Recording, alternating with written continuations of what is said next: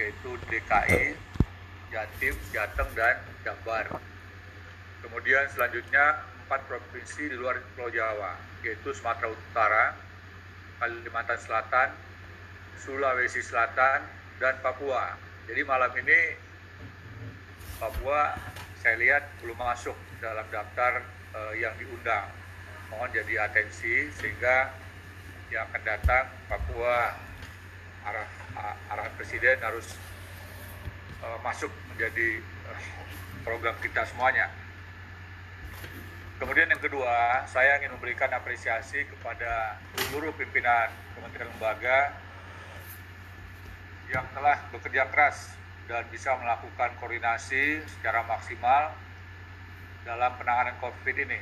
Walaupun memang kita rasakan bahwa energi yang kita sudah keluarkan ini juga belum uh, sepenuhnya menjamin terkendalinya uh, COVID ini. Oleh karenanya uh, strategi kita ke depan tentu perlu kita adakan sebuah evaluasi ya Pak Wakil Gubernur DKI tentu juga uh, apa namanya kita harapkan bisa menjadi role model untuk Jakarta karena sebagai teras depan bangsa kita sehingga kalau DKI bisa menemukan pola yang tepat mungkin bisa diikuti oleh seluruh provinsi dan eh, daerah-daerah daerah lainnya seluruh Indonesia. Bapak Ibu sekalian, eh, saya ingin memperlihatkan tentang masih adanya masyarakat dan tokoh masyarakat yang menganggap COVID itu bukanlah ancaman. Ya, masih ada berita, masih ada hoax, ya. Bahkan beberapa tokoh publik pun masih menganggap COVID itu rekayasa. Nah, ini bagaimana e, narasi tentang COVID ini adalah sesuatu yang berbahaya, mungkin harus selalu disampaikan tanpa menimbulkan ketakutan yang berlebihan di tengah masyarakat. Tanpa menimbulkan kepanikan ya. Jadi covid ibarat malaikat pencabut nyawa. Covid ini adalah mesin pembunuh nomor satu di dunia hari ini. Kalau membandingkan covid dengan perang dunia kedua bom atom yang dilepas di Jepang maka korban akibat COVID melampaui korban karena bom atom di Hiroshima dan Nagasaki. Ya. Nah, jadi bagaimana narasi ini menjadi narasi tunggal kita dengan karifan lokal tentunya. Ya. COVID berbahaya sekali bagi komponen lansia dan pemilik komorbid. Ya, tadi sudah dijelaskan oleh Profesor Riku. Kemudian eh, apa yang perlu kita eh, cermati?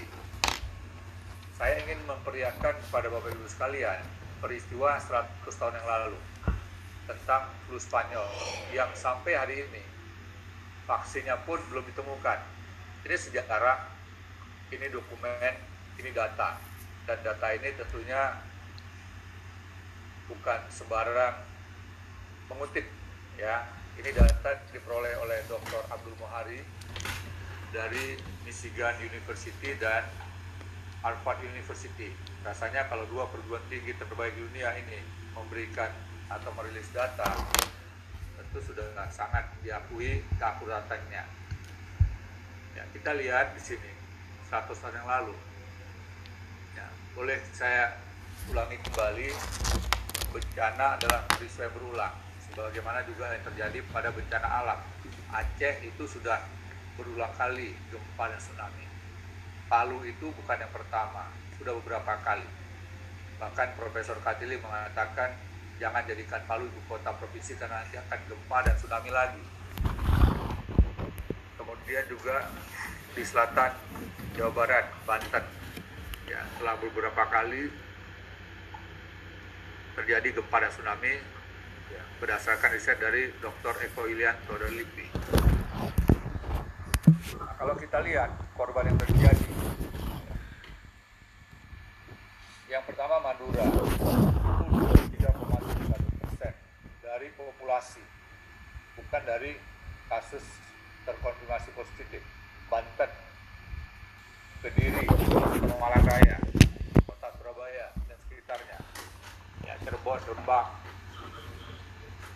Pasuruan, Kedu, Kedu ini berarti Magelang. Saya ingat Kor Kedu itu Kor Magelang itu. Saya empat tahun di aktif militer di Magelang. Semarang, Pekalongan, Banyumas, Madiun, Jakarta, Priangan berarti ini kawasan eh, apa namanya eh, Bandung dan sekitarnya. Kalau Besuki ini mana ya? Besuki ini timur Mojokerto. Ya. Jadi paling besar ini adalah daerah Surabaya Raya. Ya. Dan korban total di wilayah Nusantara waktu itu karena kita masih berada di bawah eh, pemerintahan kolonial ini Belanda itu 4,5 juta orang. Ya. Jadi sampai hari ini vaksinnya belum ketemu, obatnya juga belum ditemukan, flu Spanyol ya hilang.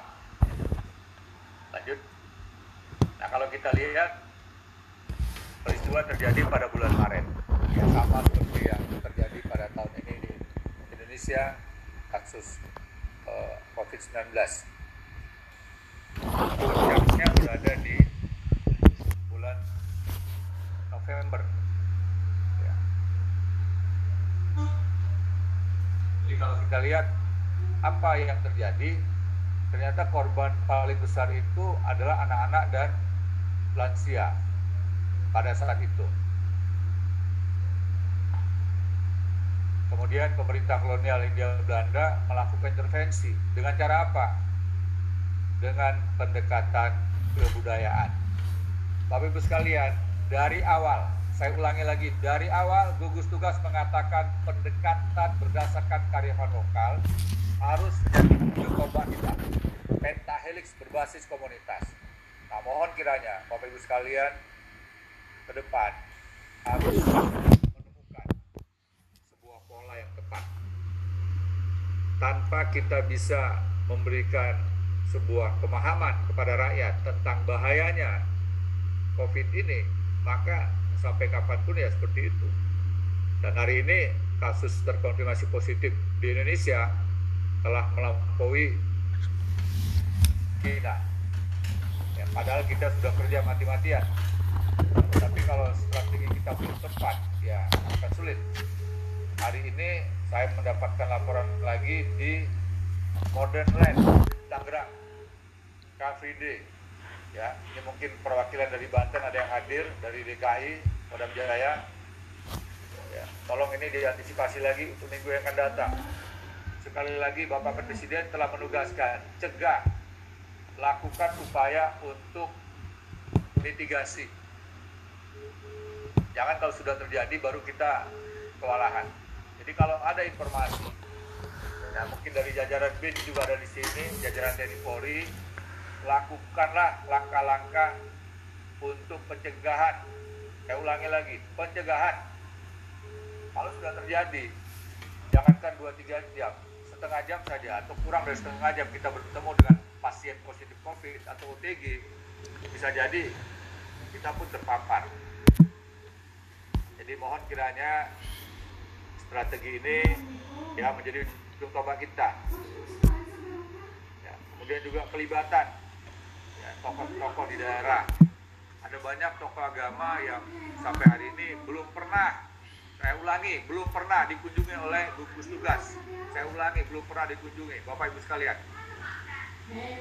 Padahal lewat mereka kita bisa mendapatkan sebuah kekuatan untuk mengajak seluruh rakyat dan bangsa kita akan patuh kepada protokol kesehatan. Jadi kalau hari ini kita bicara tentang kepatuhan protokol kesehatan tanpa kita mengajak seluruh tokoh yang ada di daerah, saya yakin sekali energi kita akan terbuang sia-sia. Sekali lagi, siapa orang berpengaruh di daerah? Libatkan mereka, tidak ada ruginya. Dan tentunya juga saya yakin tidak perlu biaya yang mahal untuk berkunjung silaturahmi kepada tokoh-tokoh ini. Dan saya yakin setelah kita berkunjung pasti akan ada perubahan. Saya ulangi, pasti akan ada perubahan. Dan itu sudah dibuktikan. Beberapa tokoh yang semula sangat vokal, sangat menentang kebijakan pemerintah, setelah didatangi 180% berubah. Nah, inilah pentingnya komunikasi. Bicara COVID, jangan kita serahkan semuanya kepada dokter. Sudah lebih dari 100 orang. Dokter-dokter kita pahlawan-pahlawan kemanusiaan gugur karena beban para dokter sangat berat. Sekali lagi Bapak Ibu sekalian, hari ini dan ke depan saya minta strategi dalam mengatasi COVID ini kedepankan peran dari para tokoh di daerah, tokoh agama, budayawan, sampai ke tingkat RT RW. Kalau ini bisa kita lakukan, akan mengurangi beban kita, dan ada porsi tugas pusat dan tugas daerah. Dan tidak semuanya beban itu ditumpahkan ke pusat. Demikian juga pusat tidak bisa menyerahkan beban itu kepada daerah harus ada keseimbangan. Mana peran pusat mana peran daerah. Media memiliki peran yang sangat strategis. Oleh karenanya di tiap, tiap daerah pun saya harapkan gugus tugas itu bisa merangkul para wartawan untuk tracing. Dan silakan nanti delapan provinsi tersebut mengajukan usulan kepada gugus tugas pusat tentang rencana kerja dalam pelibatan media. Karena sekali lagi peran media itu 63 persen. Ya, sosialisasi akan berhasil apabila media mampu dan media betul-betul menjadi bagian yang tidak terpisahkan dalam program kita kolaborasi pentahelix berbasis komunitas. Sekali lagi Bapak Ibu sekalian, media sangat penting. Jangan sampai media ini tidak dianggap atau kita kurang begitu optimal dalam merangkul mereka. Jadi delapan provinsi tadi, saya ulangi delapan provinsi tadi yang saya sebutkan, DKI, kemudian Jawa Tengah, Jawa Barat, Jawa Timur, Sumatera Utara, Sulawesi Selatan, Kalimantan Selatan, dan Papua terutama di kota besarnya. Medan, kemudian Makassar, Goa, kemudian Banjarmasin, kemudian Jayapura. Yang Pulau Jawa, Jakarta, Bandung, Semarang, dan Surabaya. Dilibatkan media, paling tidak setiap gugus tugas daerah minimal sekitar 20 wartawan yang bisa menjadi bagian inti dari program gugus tugas daerah. Nanti kita bisa memberikan insentif kepada para wartawan yang terlibat dan dia kita minta ya tentu media mainstream maupun yang media sosial. Ya, apakah influencer atau mereka yang memang secara apa namanya eh, punya kapasitas untuk menyampaikan pesan bisa mengajak warga masyarakat termasuk juga tokoh-tokoh agama, para uh, tokoh masyarakat di daerah. Libatkanlah, sekali lagi libatkan. Ya dalam konsep penanganan atau mengatasi masalah itu kita sudah pesan ya setiap daerah dalam merumuskan kebijakan libatkan tokoh daerah. Jadi sekali lagi Bapak Ibu sekalian, mohon kiranya strategi ke depan intervensi kita adalah pada mitigasi. Kemudian yang berikutnya lagi Kogab Wilhan TNI. Kita pemerintah telah menyetujui adanya Kogab Wilhan di tiga wilayah nasional yaitu bagian barat, tengah, dan timur. Bapak Presiden telah memberikan tugas kepada Kogab Wilhan satu menangani yang di Jakarta termasuk Banten. Kemudian program pilihan dua khusus di Surabaya dan tentunya nanti ke depan pilihan tiga di Jayapura. Nah, sehingga eh, hari-hari yang akan datang ya untuk intensitas pertemuan-pertemuan para program saya minta dihadirkan sehingga para program kita harapkan bisa memberikan masukan kepada seluruh instansi TNI khususnya kesatuan-kesatuan TNI agar bisa berperan lebih optimal. Kemudian yang berikutnya tadi disebut tentang rapid test. Jadi sejauh ini memang kita masih belum bisa sepenuhnya menyelenggarakan PCR test.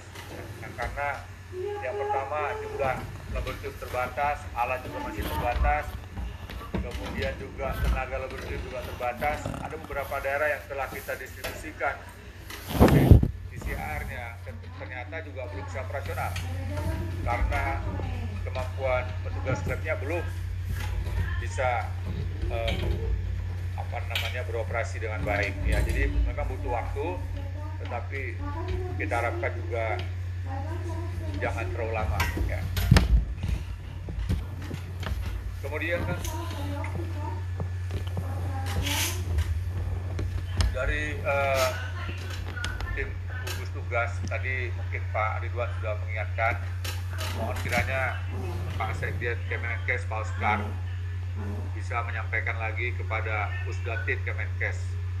Kalau bisa data-data itu pada hari Minggu sudah masuk ke tim pakar gugus tugas dianalisa ya sehingga malamnya itu bisa kita dengarkan Pak. Kita bisa dengarkan uh, masukan mana daerah yang mengalami perubahan dari hijau ke apa sorry, dari merah ke orange ya dan seterusnya kalau kita lihat minggu kemarin kita optimis karena dari 55 yang merah sudah uh, beralih uh, cukup ke orange ya. Jadi sekarang tinggal 31 saja kabupaten kota yang merah. Nah kita lihat yang orange yang banyak sekarang ya.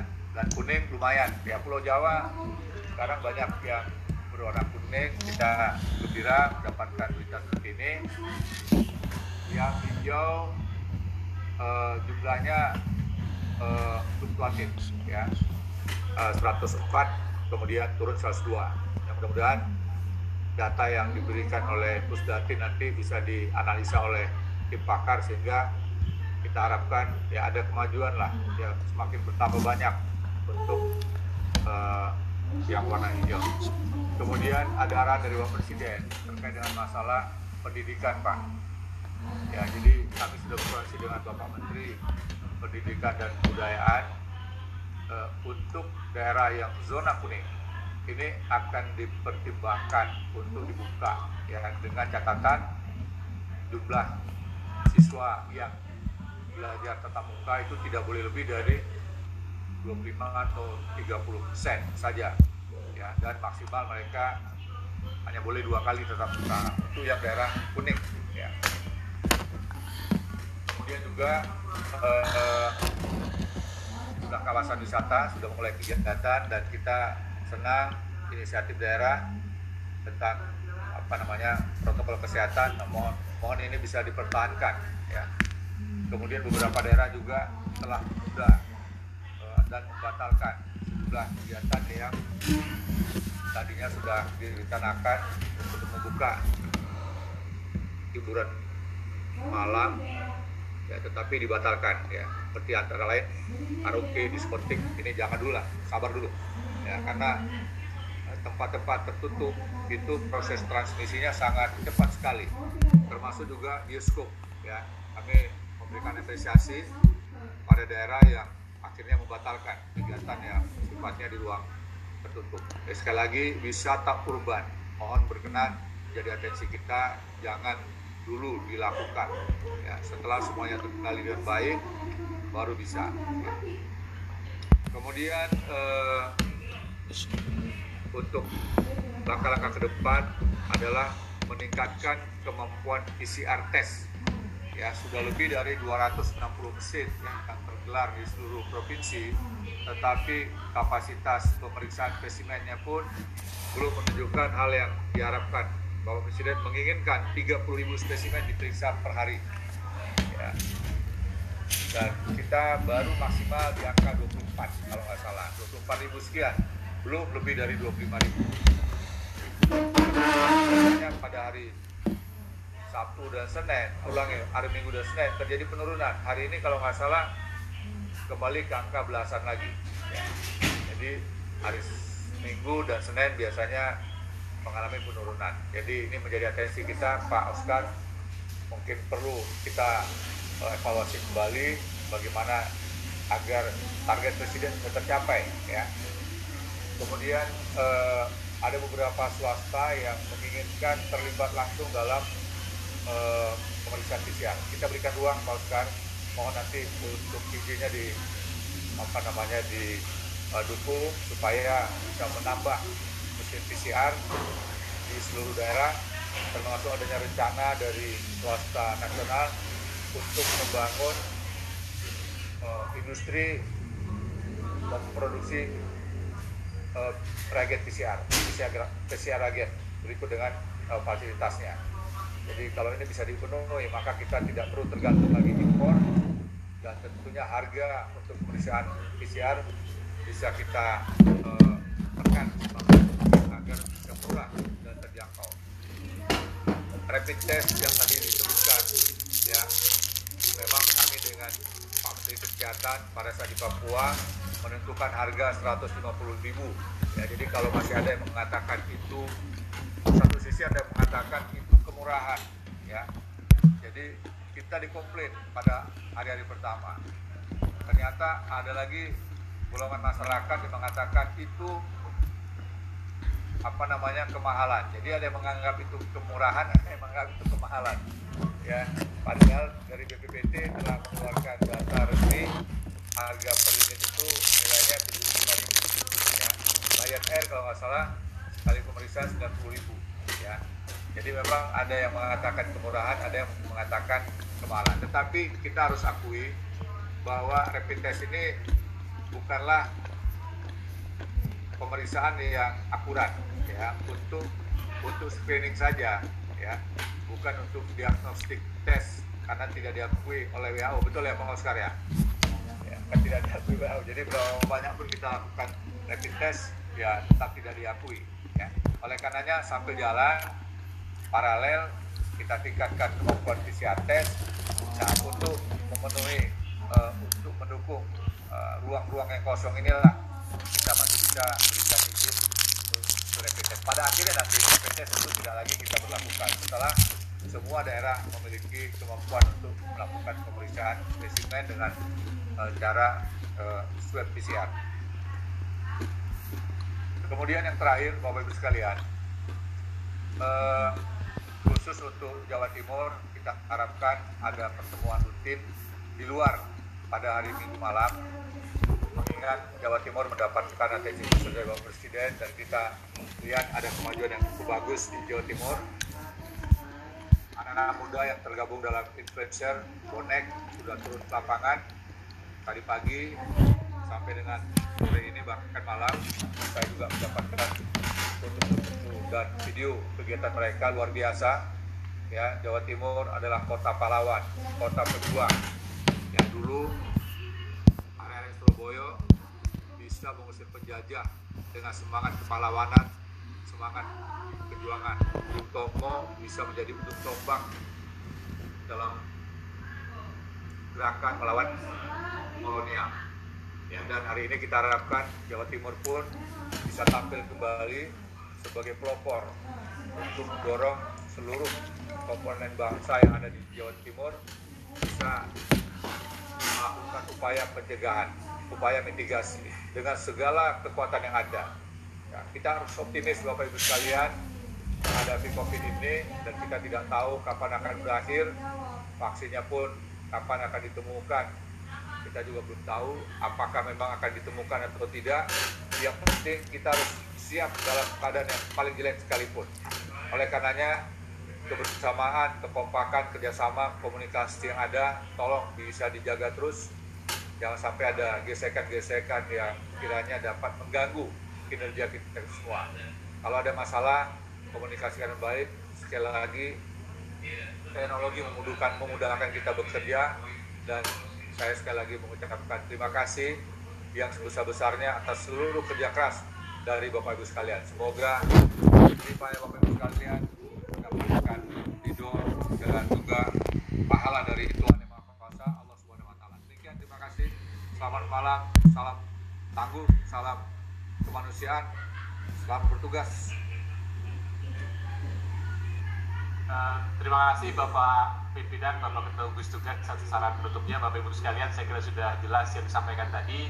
Tugas kita sekarang adalah menyiapkan tindak lanjutnya, baik dari sisi teknis, regulasi, maupun rekayasa sosial yang diperlukan. Terima kasih banyak, Bapak Ibu. Mohon maaf ada yang kurang berkenan. Selamat malam. Assalamualaikum warahmatullahi wabarakatuh. Waalaikumsalam warahmatullahi wabarakatuh.